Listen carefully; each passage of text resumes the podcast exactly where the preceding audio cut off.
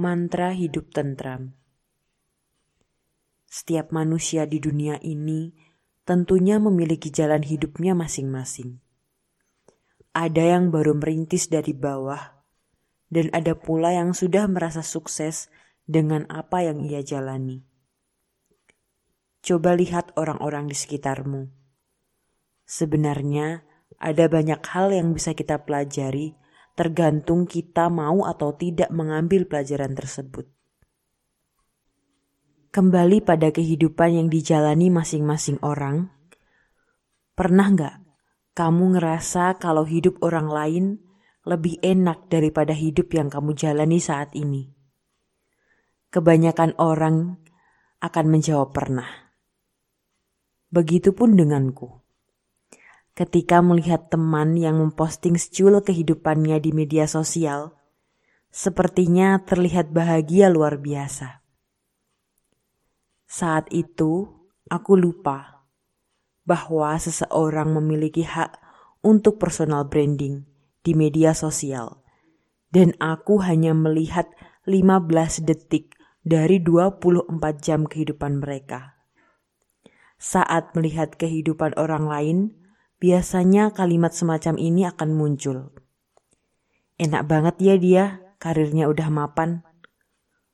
Wah, tiap hari hangout mulu ya. Dia lagi makan di restoran mahal nih. Kok cowoknya sweet banget ya? Dan kalimat-kalimat sejenis yang hanya akan meracuni pikiran kita. Seketika kita lupa kalau punya kehidupan sendiri merasa kita nggak lebih baik dari mereka. Coba deh kita pikirin lagi. Apakah adil kalau kita ngebandingin kehidupan 24 per 7 kita dengan 15 detik kehidupan orang lain? Seandainya kita tahu 24 per 7 kehidupan mereka pun juga masih nggak bisa dibandingin.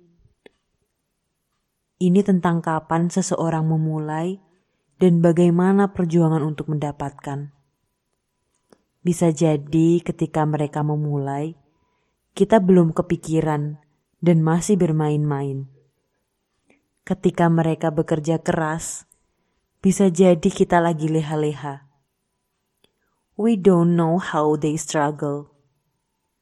Beberapa hari yang lalu, aku melihat film Indonesia yang dirilis pada tahun 2019 dibintangi oleh Titi Kamal, Raffi Ahmad, Donita, Gading Marten, Tora Sudiro, dan artis Indonesia lainnya yang berjudul Rumput Tetangga. Aku yakin bahwa ini film komedi yang kelihatannya alur ceritanya bisa ditebak. Ternyata aku tidak sepenuhnya benar. Film ini mengisahkan tentang Kirana yang diperankan oleh Titi Kamal yang menjadi istri Ben yang diperankan oleh Raffi Ahmad, seorang sales mobil. Mereka adalah teman SMA. Kirana memilih fokus menjadi istri dan ibu bagi dua anaknya. Di sisi lain, Kirana ingin seperti tetangga dan teman SMA-nya yang sukses menjadi wanita karir. Liana yang diperankan oleh Donita, seorang wanita karir sukses yang pulang dari luar negeri dan akhirnya mengajak Kirana untuk bertemu di suatu restoran. Mereka berdua saling cerita tentang kehidupannya masing-masing. Liana pun mengajak Kirana untuk ikut reuni SMA. Di reuni SMA, Kirana melewati tenda yang menyediakan jasa ramal kartu tarot. Kirana pun dipanggil oleh peramal yang diperankan oleh Asri Welas. Terlihat pada kartu yang dipilih Kirana bahwa Kirana menyesali dan menginginkan sesuatu. Kirana masih mengimpikan menjadi wanita karir yang sukses.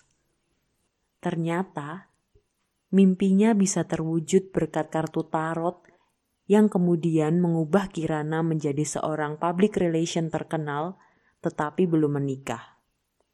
Pada awalnya, ia tak percaya dan merasa senang dengan hidupnya yang baru. Tetapi lama-kelamaan ia merindukan menjadi sosok Kirana yang sesungguhnya. Apa yang ia dambakan tidak seindah yang ia kira. Pun apa yang ia miliki tak seburuk itu. Bahkan kehidupannya didambakan oleh Liana. Sungguh film Indonesia satu ini melebihi ekspektasiku tentang pentingnya bersyukur terhadap hidup kita. Menurutku, film ini relate dengan apa yang terjadi di kehidupan kita saat ini. Betapa banyak karunia dan keberkahan yang sudah diberikan Tuhan pada kita, tapi kita malah melihat apa yang telah diberikan Tuhan pada orang lain. Itulah yang membuat kita terus merasa kurang dengan apa yang telah dititipkan Tuhan pada kita. Jika sekarang kau merasa menjadi manusia paling menderita di dunia, coba ingat lagi apa saja kebaikan yang sudah Tuhan berikan padamu. Bisa jadi hidupmu menjadi dambaan orang lain. Sekarang, apa kau tahu mantra yang kumaksud?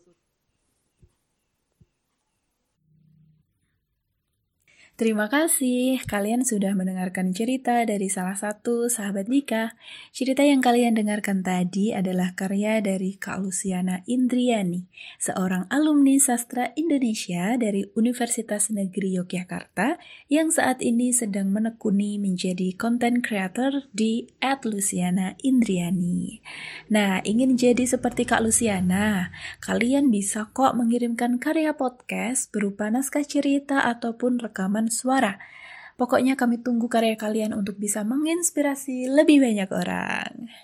Nah, sebelum podcast ini berakhir, ada informasi penting dan menarik nih untuk kalian sahabat Bika yang punya usaha. Baik usaha yang sudah meroket ataupun usaha yang masih rintisan. Karena Bika Indonesia bersama dengan bikin podcast akan membantu UMKM kalian agar lebih berkembang dengan ikut mempromosikan UMKM kalian melalui konten-konten Bika Indonesia. Salah satunya melalui podcast loh. Nah, untuk ketentuan lebih lanjut, silakan kepoin Instagram kami ya di @bika_indonesia. Jangan lupa juga untuk turut kepoin media sosial kami lainnya seperti Spotify, Bikin Podcast, dan juga channel YouTube kami di Bika Indonesia. See you. Wassalamualaikum warahmatullahi wabarakatuh.